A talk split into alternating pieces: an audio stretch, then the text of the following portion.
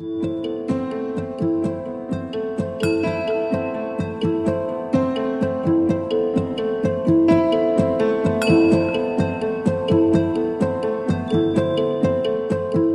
serien En kort introduksjon gir noen av landets fremste historikere faglig oppdaterte innføringer i sentrale temaer innenfor norsk og internasjonal historie. Velkommen til Akademisk kvarter, en podkast fra Cappelen Dam Akademisk. I dag skal du få møte forfatteren av boka En kort introduksjon til den nye imperialismen, Tore Linn Eriksen, professor i utviklingsstudier ved Oslo OsloMet. I samtale med meg, som er Lars Aase, forlagsredaktør for humaniora og samfunnsfag i Cappelen Dam Akademisk. Tore, eh, la oss begynne med tittelen på boka. Den heter eh, 'En kort introduksjon til den nye imperialismen', eh, med undertittelen 1870 til 1920. Hva er det som er nytt i forhold til tidligere former for imperialisme, og hvorfor er akkurat 1870 til 1920 en sånn viktig epoke?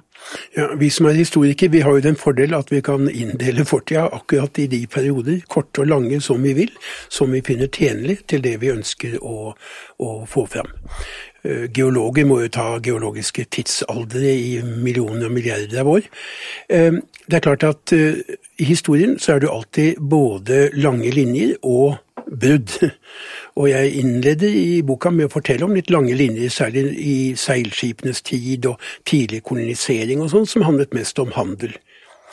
Nå er det en del ting som skjer. For det første er det slik at Storbritannia hadde jo lenge vært ledende som sjømakt og militærmakt, og kunne gjøre nesten hva de ville, ikke overfor de som bodde i Asia, Afrika, Latin-Amerika, men uten konkurranse fra andre europeiske land. Det forandres nå, fordi industrikapitalismen omkring 1870 eh, brer seg til store deler, ikke bare av Europa, men også til USA og etter hvert til Japan. Og da blir det konkurranse om å få tak i råvarer som maskinene jo må ha for å fungere. Og er, de er avhengig av uh, markedet for å selge varene fra den nye industrien. Og de er også avhengig av å investere, særlig fordi de gikk ganske dårlig i Europa i siste tre tiårene av 1870-tallet. Så det er denne konkurransen. I tillegg så er det jo i denne perioden også en framvoksende sterk nasjonalisme nasjonal ære. Vi ser det i ishavsimperialismen når det gjelder norsk uh, bidrag. Og det er også den biologiske rasismens verste periode, hvor det ikke bare er kultur som brukes til å, som argument for å avhumanisere andre eh, mennesker, men rett og slett å se på dem som så lavtstående at man har både en moralsk rett, kanskje også plikt, til å underlegge seg andre deler av verden. Og så det siste. Det er også en periode hvor imperialismen ikke bare har motiver, men man også har redskaper for å gjennomføre og skape og gjøre imperiedrømmene til virkelighet. Og det er da de nye dampbåtene med kanoner om bord, som for første gang kan gå motstrøms oppover elver i Asia, Afrika og Latin-Amerika. Og det er nye våpen. Så det er et sammenfall mellom mange forskjellige faktorer. Eh, imperialisme er jo et ord som mange har et uh, følelsesmessig, uh, for ikke å si politisk, forhold til. Er det mulig å lage det som kan kalles en balansert fremstilling av dette? Det kommer an på hva man mener med balanse. Historikere er jo nødt til å forholde seg så godt vi kan til det vi vet har, har, skjedd, og kunne finne forklaringer på det. Men det er klart at jeg stiller meg ikke som forfatter eller som et vanlig menneske, likegyldig til utenlandsk okkupasjon, som jo kolonialisme er, eh, som også er rasedominert herredømme, og som jo i bunn og grunn er nødt til å være et voldssystem. Det ser vi jo både i måten store deler av verden ble erobret på, Algerie måtte Frankrike drive på i 60-70 år før de slo ned all motstand. Eh, Storbritannia eh, okkuperte deler av Sudan eh, gjennom en langvarig krig med stor våpenoverlegenhet. Og slik skjedde det i alle deler etter hvert. Og det var også et voldssystem i den forstand at i siste instans så ble jo vold, militærmakt, tatt i bruk for å slå ned opprør. For der hvor det er okkupasjon, er det også alltid motstand i ulike former. Er det også, men det er også balanse mellom de forskjellige delene av verden. Men den viktigste balansen som jeg har forsøkt å etterstrebe, det er at man ikke bare ser alt fra imperiemaktenes side, eh, sånn som ofte har vært vanlig i imperialismen, studere motiver, drivkrefter i vår del av verden. Eh, det kan jo lett føre til at man gir europeiske land en slags sånn allmakt, og andre er avmektige. Men motstykket til eh, makt er ikke avmakt, men eh, motstand. Så det å forsøke å se både fra imperiets sentrum som drivkraftig, men også se hvordan det slo ut for folk, for ulike samfunnsgrupper, for ulike etniske grupper, urfolksgrupper, menn og kvinner, i de områder som ble berørt av kolonialismen. Eh, for et par år siden ga du ut et større verk om Afrikas historie, og mange forbinder kanskje den nye imperialismen nettopp med kappløpet om Afrika. Eh, nå har Afrika bare fått ett av bokas ti kapitler. Hvorfor er det så viktig for deg å løfte fram andre deler av verden? Ja, Nå er Afrika alltid et kapittel for seg, men, men under arbeidet med den boka du nevnte, så slo det meg at man kunne ikke forklare kapplet om Afrika, kappløpet om Afrika bare ved å se på Storbritannia, Frankrike og Afrika. For på samme tid så skjer jo fullføringen av okkupasjonen av India. Det er da Indonesia eh, blir fullført underlagt uh, Nederland. Og det er også da Frankrike uh, okkuperer store deler av det som i dag er Indokina. Og det er da USA tar steget fra å først drive en innenlandskolonialisme utover på 1800-tallet ved å legge under seg urbefolkningsområder. Eh, og Det samme skjer jo også i Russland, hvor man legger under seg store deler av Sentral-Asia og Sør-Sentral-Asia.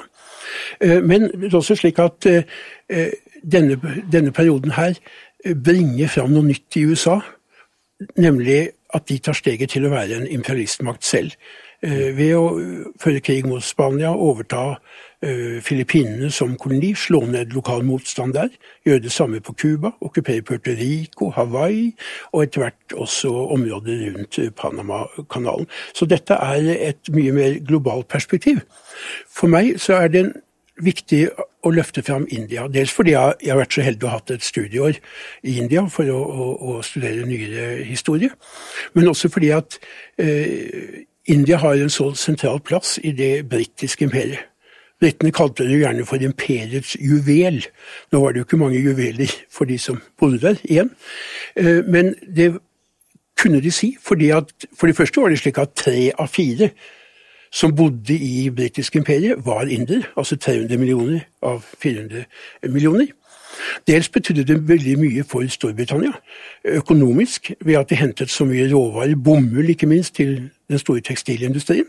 Hvete, både til mat, men også til å fòre husdyr eh, for å modernisere landbruket i, i Storbritannia.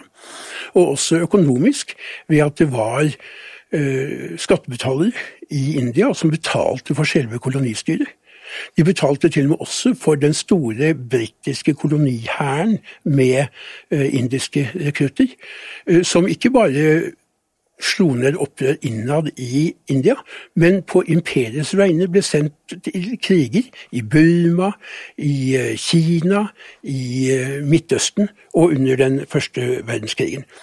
Så er det også slik at dette er perioden hvor India, som hadde vært et sentrum for verdens tekstilindustri, nå begynte å bli avindustrialisert. De kunne ikke beskytte eget næringsliv. Britiske varer flommet inn.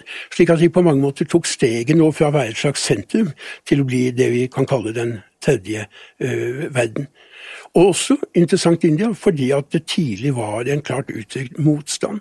Både fra intellektuelle mellomklasselag fra 1880-tallet, men etter hvert også fra bondeopprør mot plantasjeeiere, og selvfølgelig aller mest etter 1920 ledet av Gandhi. Et land som ikke ble kolonisert, er jo Kina. Eh, også her var jo 1800-tallet en nedgangsperiode. Eh, hvordan forklarer du dette? Ja, altså 1700-tallet var en gullalder med fordobling av arealet og innbyggertallet. Men det er mange ting på 1800-tallet, selvfølgelig. Mye av det må forklares ved indre forhold i Kina selv. F.eks. begynner ressurs, ressursknapphet etter at det er press på jorda med økt innbyggertall og uten nye metoder i landbruket. Eh, men og sosiale opprør og misnøye, flere store opprør med millioner av menneskeliv som gikk tapt. Men det er også viktig og se på hvordan Kina ble påvirket og dels ødelagt utenfra. Det mest kjente eksempelet er jo selvfølgelig opiumskrigene i 1840-tallet, begynnelsen, og 18, slutten av 1860-tallet, hvor britene jo for å få rett til å smugle inn eh, opium for å ødelegge eh, kinesiske liv, eh, jo førte krig, påla Kinas store erstatningskrav som gikk utover statens muligheter til å løse andre oppgaver, og bestemte at Kina ikke fikk lov til å, å begrense utenrikshandelen. De fikk bare ha en lav prosent toll, slik at utenlandske varer slapp inn. Og Det samme var også tilfellet helt mot slutten av 1900-tallet, med et opprør som åtte imperialistmakter gikk sammen om å slå ned, og påførte enda større tap. Så muligheten til å på en måte løse de problemene som var innenlandske, de ble ødelagt i denne perioden. Men de ble altså ikke kolonisert, og det er selvfølgelig dels fordi det var et stort rike. Ingen europeiske land kunne dele opp på samme måte som de gjorde med Afrika, for Kina var et enhetlig land med en enhetlig kultur og langt på vei et enhetlig språk. Og Dessuten kunne europeere ikke gjøre opp seg, seg selv imellom bare, sånn som i Afrika, fordi her hadde du USA og Japan som to nye aggressive partier som også ville ha en bit av Kina. Vi må tilbake til dette med periodisering. Eh, vanligvis settes sluttstrek for uh, dette temaet i 1914, utbruddet av første verdenskrig. Men du har uh, valgt å trekke epoken helt fram til 1920. Hvorfor har du gjort det? Når vi kaller det en verdenskrig, det som startet med et utgangspunkt i konflikt i Europa, så er det jo fordi det var en krig mellom imperier det tyske og osmanske imperiet på ene side, og eh, det franske og det britiske eh, og det russiske på den andre sida. Eh, og Det betydde også at tidlig var det kamphandlinger i andre deler av verden. Ganske tidlig i Øst-Afrika og i Vest-Afrika og i det sørlige Afrika. Og seinere i veldig høy grad i Midtøsten, hvor mange av de viktigste slagene sto. Det var også viktig fordi at imperiene for å vinne og for å utkjempe denne brutale krigen hentet inn veldig mye ressurser, økonomiske ressurser, matvareressurser, transportutstyr, men også mennesker fra imperiet. Særlig britene. Eh, I alt regner vi med at 2,5 millioner afrikanere var med, enten som bærere eller som stridende. Og med sivilbefolkning så døde kanskje en million av dem. Eh, Frankrike hadde 1,5 million afrikanere i Europa. En halv million fra Afrika deltok i de store slagene som i 1916. Men også fordi at eh, ettervirkningen av krigen viser jo den, nesten den siste oppdelingen av denne imperialistiske eh, epoken, eh, ved at de tyske koloniene ble overtatt av de andre seierherrene, Frankrike og, og, og Storbritannia. Men også i Midtøsten hvor det som kalles for fredsforhandlinger, var jo det som Frankrike og Storbritannia hadde blitt enige seg imellom under krigen. Og Derfor så fikk du kunstige statsdannelser med mange av konfliktene i dag, slik som i Syria, eh, Libanon, eh, Irak, Jordan, eh, Palestina, hvor kampen også sto om olje. Og ved fredsforhandlingene så var det store skuffelser rundt omkring i koloniområder som hadde håpet på bedre behandling. Egypt håpet på for selvstendighet, fikk ikke engang møte i forhandlingene. I Paris eh, møtte en ung vietnameser og forsøkte å legge fram ønsket om selvstendighet for Vietnam. Han het Ho Chi Minh og ble senere det selvstendige Vietnams første president. Og Kina følte seg dårlig behandlet, fikk ingen belønning for å ha vært med på krigen. Og den store 4. mai-bevegelsen, som er starten til kommunistpartiet, øh, fant sted da. Og med en ung 19-årig biblioteksassistent, Mao Zedong, til stede i demonstrasjonene. Så både krigen og ettervirkningene er grunnleggende. Og det kan man lese om i nobelprisvinneren Abdulrazak Gurnas bok, som kom på norsk øh, nylig, øh, som heter Etterliv og det er også Daniel Diop, fra skriver om Vest-Afrika, eh, fra Senegal. Om natten er alt blod svart. Så her er det litteratur som beskriver nettopp betydningen av første verdenskrig. Kolonitida er kanskje et av de mest eh, kjente eksemplene på det som kan kalles kampen om historien. Eh, hvordan utkjempes denne i dag? Ja, Vi ser det ved at både i Frankrike og Storbritannia eh, er to tendenser. Det ene er at man ikke snakker om imperiet i det hele tatt. Det er ikke noe imperie- eller kolonialismemuseum i Storbritannia f.eks.